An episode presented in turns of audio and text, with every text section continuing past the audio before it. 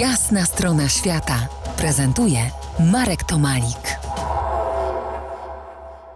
Po jasnej stronie świata reporter Bartek Sabela rozmawiamy o subsaharyjskim Sahelu, krainie w Afryce Środkowej. Mówimy, mówiliśmy już o sporo o projekcie Zielonego Muru, to jeszcze parę słów o rolnictwie. Afryka nieodłącznie kojarzy nam się, no właśnie, z głodem, niewydolnością produkcji rolniczej. Jaka jest wydajność tego rolnictwa? Już y, w pierwszej chyba, w pierwszym naszym spotkaniu zasygnalizowałeś, ale powiedz, bo to jest, y, to jest niezwykle ciekawe, że to rolnictwo tam jest na tak niskim poziomie. Bardzo pięknie to przeliczył Martin Kaparos w swojej książce Głód. Tam on e, wprost podaje wydajność e, rolnictwa właśnie w Nigrze i okazuje się, że w XXI wieku wydajność nigryjskiego rolnictwa jest na niższym poziomie niż w Cesarstwie Rzymskim ponad 2000 lat temu. Nie chce się wierzyć. Nie chce się wierzyć, tak.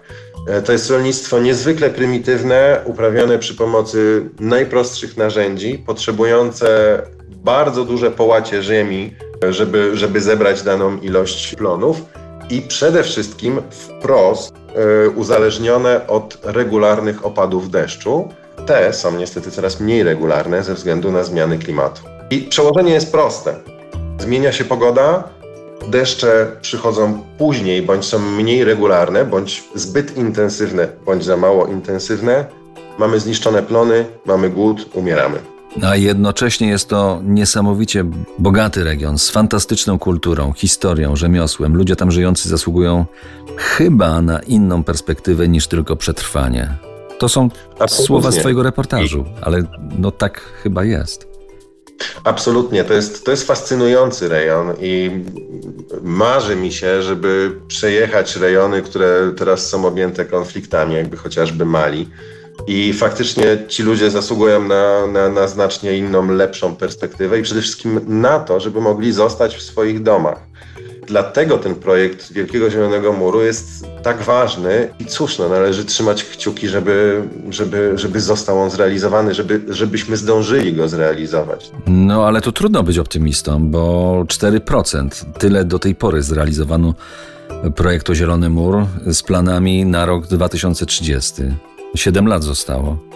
Tak, to trochę zależy jak liczyć, ale fakt tak czy inaczej e, całości projektu zrealizowano niewielką część, bardzo niewielką.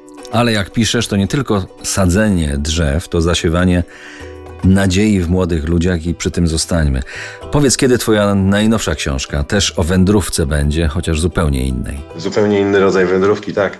E, 29 marca wydawnictwo Czarne, e, książka pod tytułem Wędrówka tuż. E, zupełnie inna opowieść. Nie wiem, czy powinienem zdradzać w naszej rozmowie, czego będzie dotyczyć. Pozostańmy przy tej zagadce.